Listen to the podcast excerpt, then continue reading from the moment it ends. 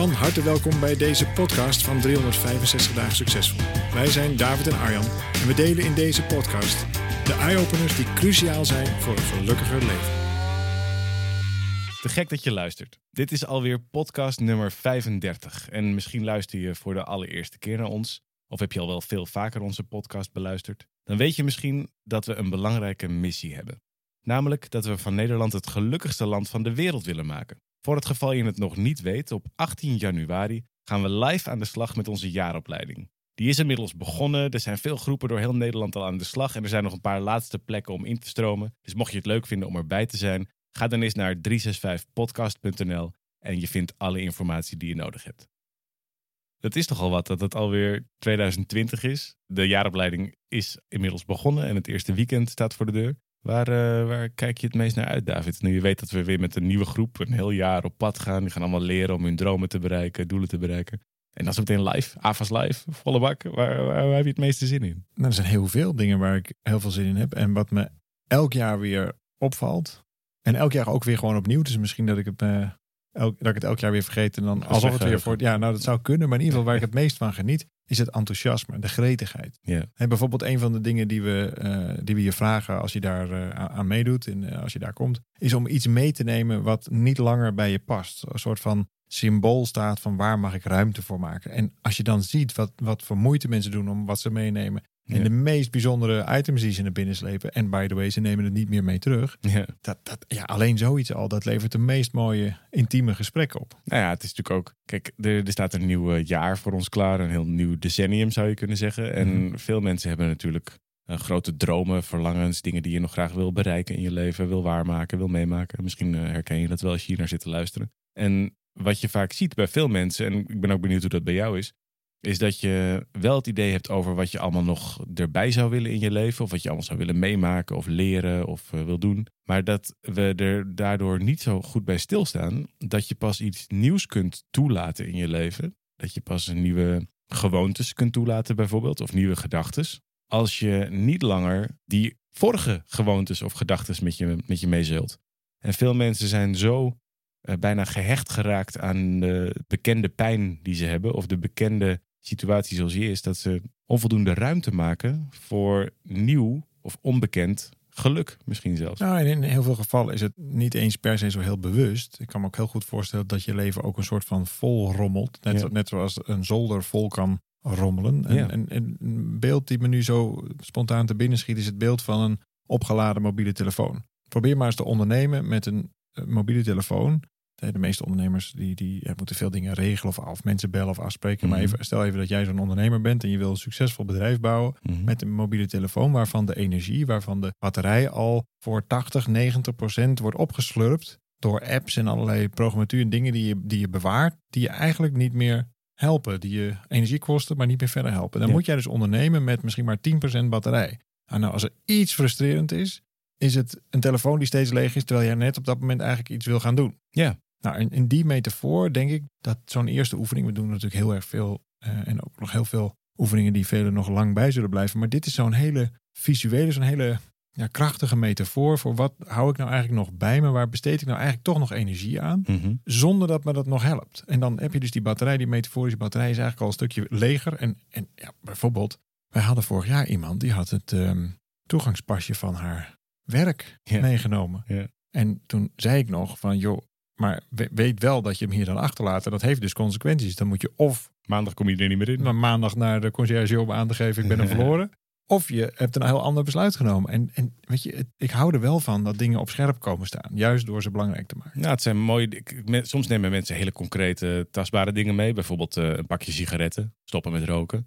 Eh, iemand die heeft Ja. een keer een eh, stapel niet opengemaakte enveloppen meegenomen. Dat hij af wilde van de gewoonte om zeg maar schuldeisers bijvoorbeeld te negeren. Eh, iemand heeft een keer een zak chips meegenomen. Dat zijn echt praktische dingen. Van ik wil Ja. gewoon wat minder slechte dingen eten. Maar het kan ook heel metaforisch zijn. Ik weet dat mensen bijvoorbeeld eh, brieven hebben geschreven aan hun eigen gedachten of zo die ze hebben achtergelaten. Of dat ze eh, iets van Lego hadden gebouwd.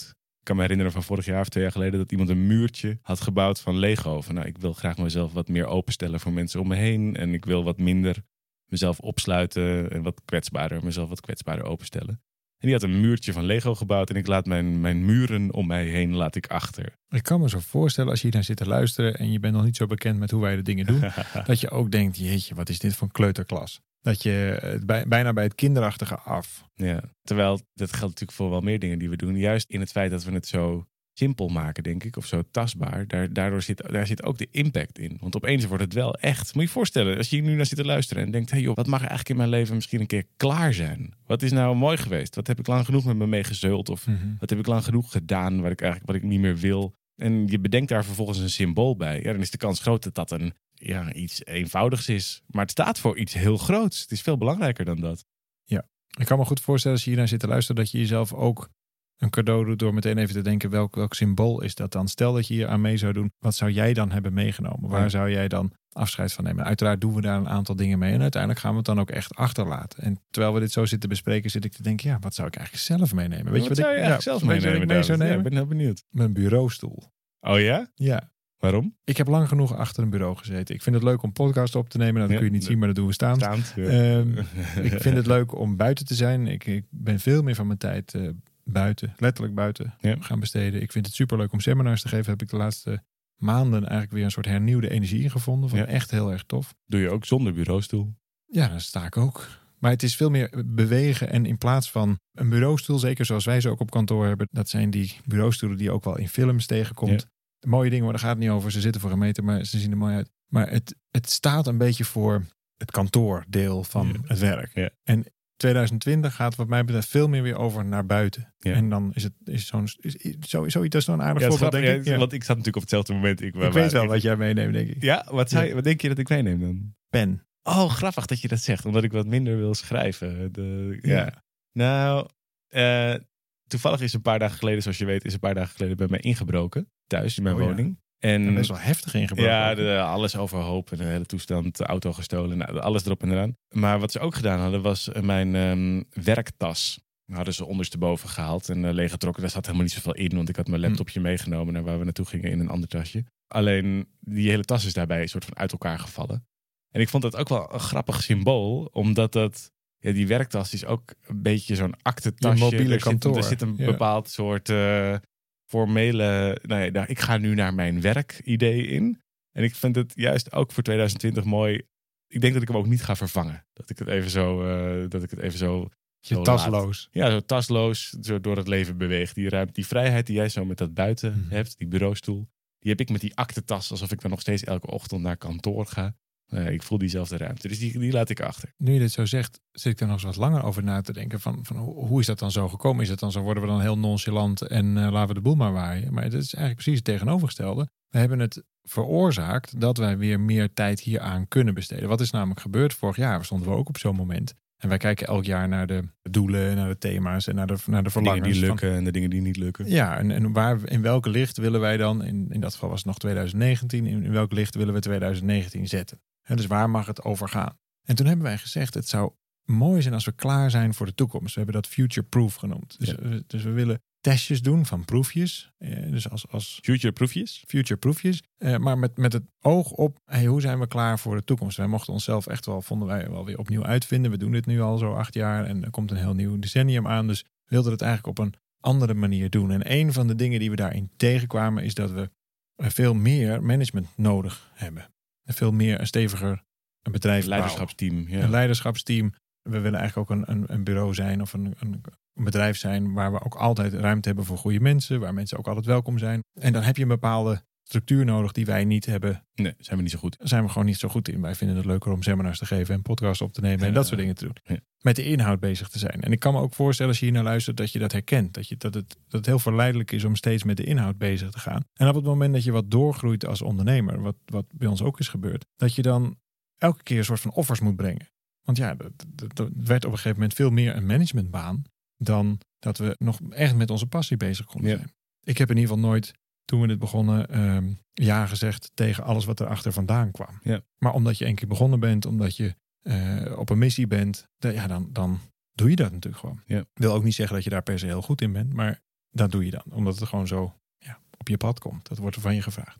Totdat we op een gegeven moment weer opnieuw gingen nadenken. Waar verlang je nou ook al, mee, ook al maar weer naar? En dat was toen ineens, hé maar wacht eens even. wij, wij hebben eigenlijk iemand nodig die dit veel beter kan dan wij dit kunnen. Die is ook heus wel te vinden. En die hebben we dus ook gevonden. Dus 2019 bleek ineens voor ons op te leveren dat we zelf niet meer in die directie hoeven zitten van ons eigen bedrijf. Ja. Nou, en dat is toch wel zo ongelooflijk bevrijdend. Ja, Dus die, Ja. die bureaustoel is niet alleen maar vanuit een soort baldadigheid, maar is echt ook oké. als ik geen bureaustoel meer heb, dan kan ik ook letterlijk niet meer zitten. Maar wat ga ik dan doen? Het betekent helemaal niet dat ik juist minder wil doen. Ik wil juist meer doen waar ik echt heel enthousiast van word. En dat Ja. betekent in mijn geval seminars geven, naar buiten toe, een podcast opnemen, et cetera. Ja. Terwijl als je nu nadenkt over wat deze dingen te maken hebben met hoe we überhaupt als 365 denken of hoe, waar onze filosofie op is gebaseerd, dan herken je in deze, in dat achterlaten, in dat ruimte maken, herken je heel duidelijk de eerste twee stappen van de 13 van onze methode. Want de, de methode van 365 dagen succesvol bestaat uit 13 stappen en de eerste twee daarvan, die veel spelen in januari, logischerwijs, en soms moet je ze een beetje forceren, zijn die van de vraag waar je naar verlangt in je leven en hoe je vervolgens ook zorgt dat dat daadwerkelijk gebeurt. Noodzaak. Hoe je noodzaak creëert Ja. dat je in beweging komt. En als je dan kijkt naar wat hier gebeurt, het simpele feit dat je iets meeneemt wat je achterlaat, dus in jouw geval zo'n bureaustoel, mooi voorbeeld, in mijn geval zo'n aktentas, die laat ik achter me. Nou, dat creëert noodzaak, want daarmee is er opeens iets niet wat er daarvoor wel was en word je dus gedwongen om iets anders te doen. Ja, als je het maar niet ziet als een spelletje. Kijk, op het moment dat je het ziet als ja, als een leuke metafoor en vervolgens pak ik gewoon een andere nee, bureaustoel. dit is serious business. Ja, als, het, als je dit kunt zien als het voelbaar maken van je eigen verlangens, Ja. dan heb je in ieder geval op metaforisch niveau heb je hem vertaald naar noodzaak. Ja. En dan komt het natuurlijk daarna, maar goed, daarom duurt ons programma ook een jaar en niet een dag. Hm. Dan komt het er daarna op aan of je ook dat kunt omzetten in het echi. daarvoor nog, voordat je dat omzet naar het je zit eigenlijk juist door die noodzaak, bedenk ik me nu, ontstaat, kijk, in de ruimte die dan ontstaat, Ontstaat automatisch noodzaak. nou, vooral ook weer ruimte om dat verlangen te ontdekken. Want, eh, want moet je je voorstellen Oh, dat ja. jij zegt, hé, hey, ik verlang eigenlijk naar meer naar buiten. Weet je waar ik eens mee begin? Mijn bureaustoel weg. Dat is dan noodzaak. Dat is volgens de volgorde. Eerst verlangen, oh, lekker naar buiten. Noodzaak, bureaustoel weg. En dan heb je dus vervolgens geen bureaustoel meer. En dan kom je automatisch in een soort vraag van, ja, wat dan wel? Wat dan nu wel? En dat geeft veel meer concreet. Het, het meenemen van iets wat je niet meer wilt, maakt in je eigen leven ruimte om heel concreet te worden over wat je dan wel wilt. En nou ja, je vult dat nu al met een paar dingen in. Podcast maken, seminars geven, lekker naar buiten op ons eigen stuk eh, bos in, eh, Ja. eh, in Flevoland. En dat soort antwoorden komen pas als je niet meer op die bureaustoel hoeft te zitten. En volgens mij helpt het dus ook in het, in het idee van, nou, bijvoorbeeld als je, eh, je wil een wat strakker lijf, je wil beter voor je lijf zorgen, dan, dan kan je voornemen wel zijn om naar de sportschool te gaan. Maar als je nooit gaat, Nee. dan verandert er helemaal niks. Maar op het moment dat je maar één keer gaat, verandert er ook niks. Nee. Op het moment dat je twee keer gaat, of twee keer per jaar gaat, verandert er ook niks. Ja. Dus volgens mij helpt het heel erg door je verlangens te kennen. Dat is op zich al een reis aan zich. Alleen Ken u zelf, hè, stond Ja. op de Griekse tempel. Precies. Alleen dat als enige. Was dat nou het enige wat je doet? Je vindt uit waar, waar ik nou eigenlijk naar verlang. En vervolgens doe je niks. Dus je doet niet ook die stap 2. Je creëert niet ook de noodzaak. Dan ben je denk ik ongelukkiger geworden. Ja, omdat je wel een soort van kennis hebt gemaakt met mogelijke perspectief of mogelijke potentie. Die je dan niet omarmt of waar je dan niks mee doet. Ja, en dat, dan ga je jezelf nog meer afwijzen. Ik denk dat als je aan het einde van je leven op de rand van je bed zit. Dat vind ik altijd wel een mooi, mooi idee. Stel dat met zo'n witte japon aan heb je dan zeker Vast en pantoffels. Ja. En dan slaapmutsje. ben ik heel oud en gelukkig en kijk ik terug en dan ga ik in dat bed liggen. Dan hoop ik dat je alles gedaan hebt wat je zou willen doen. In plaats van dat je op dat randje zit, in het bed gaat liggen en je dan nog eens langs gaat gaan van oh, dit had ik eigenlijk gewild en dat had ik eigenlijk gewild en dat had ik gewild. En dat heb ik allemaal niet gedaan. Hé, wat jammer, want nu is de tijd op. Dus ik denk dat we kunnen leren van verlangen, Mhm. vooral op het moment dat we bereid zijn om het te doen. Lukt dan alles? Natuurlijk niet. Nee, gaat het ook helemaal niet om. Ik moet een heleboel op de grond zitten. Of niet, dan we gaan het zien. Maar je mag op schoot. nou, dan zit ik liever op de grond. Maar in ieder geval, het, het, je, je snapt het punt. Dus op het moment dat er iets niet meer is, of juist wel iets is wat je daarvoor niet had, dan heb je dus al een soort van route voor je uitgestippeld. Of in ieder geval een soort eenrichtingsroute gemaakt. Oké, dit gaat het sowieso worden. Ik kan niet meer zoveel achter dat bureau zitten, want ja, dat zit niet zo heel lekker. Oh, dat is als reminder voor ik ga dan ook maar naar buiten. Of ik ga dan ook maar, ik zorg dat mijn agenda ook zo is ingericht dat ik dat niet meer hoef te doen. Maar nog een ander leuk voorbeeld. Ik heb een aantal jaar geleden eh, de draad met hardlopen weer eens opgepakt. En ik ken mijzelf best wel aardig op dat vlak. Ik weet heel diep van binnen, of zelfs wel vrij actief, dat ik dat fijn vind om te doen. Mhm. Dat me dat helpt, dat dat ontspant, dat dat... Weet ik allemaal. Ja. Deed vervolgens nooit. Nee. Toen had ik een keer ergens van iemand de truc geleerd van wat je moet doen is naast je bed, maar dan ook echt naast Je je, bed, sportschoenen zetten. je sportschoenen zetten. Ja, ja, ja. Zodat je als je 's ochtends wakker wordt, het eerste wat je doet is je sportschoenen aan. Want als je zo 's ochtends wakker wordt, dan heb je dat verlangen, de, de, de wil om het te doen, die is er nog wel. Mhm. Maar zodra je je voeten op de grond zet, dan moet kiezen tussen je sportschoenen of de warme douche. Dan is het vaak de warme douche. Nou, dan ben je sowieso al gedoucht, dus dan ga je al helemaal niet meer. En Ja. in plaats van een glas water wordt een kop koffie. Ja. En dan is je dag begonnen. Ja. En dan denk je, ah, morgen weer. Ja. Omdat het natuurlijk, ja, je kunt er best wel lang volhouden. Ja, morgen kan ik toch ook wel weer. En vandaag mis het een beetje. ja, gewoontes zijn beter dan voornemens. Dus de, ja, Exact. Ja. Dus een van de manieren hoe ik daar voor mezelf noodzaak op heb gecreëerd, is dat ik toen ik nog in het appartement woonde, mijn benedenbuurman, die echt een hele stevige hardloper was, had gevraagd van, goh, zou jij met mij twee, drie keer in de week willen hardlopen? En dan op een dusdanig moment, bijvoorbeeld in de ochtend, dat jij op mij zou moeten staan wachten Ja. als ik niet kom. Nou, als ik ergens een hekel aan heb, is het mensen op mij laten wachten. Dus op het moment dat ik wakker word en ik weet hij staat op mij te wachten, dan ga ik wel. Ja. Dan doe ik het wel. Ik bedoel, het is ook jezelf een beetje positief. Snap je ik bedoel? natuurlijk. Dat is noodzaak. Dat is de noodzaak. Dus alleen voor mij al het simpele feit dat voor mij samen iets doen hoger staat dan.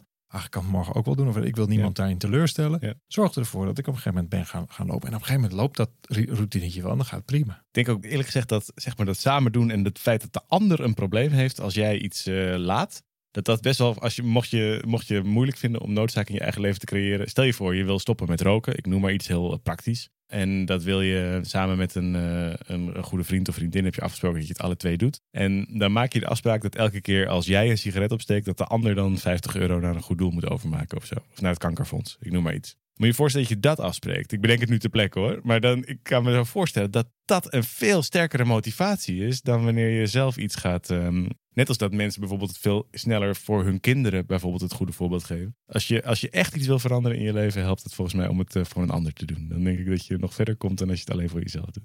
Ja, wat grappig. Nou goed, en iedereen vertaalt het natuurlijk naar, naar zichzelf. Misschien werkt het voor jou heel anders als je hier naar zit te luisteren. Je denkt, hoe, juist anderen op mij laten wachten zorgt er juist voor dat ik helemaal niet ga. Dan is dat natuurlijk geen winnende route.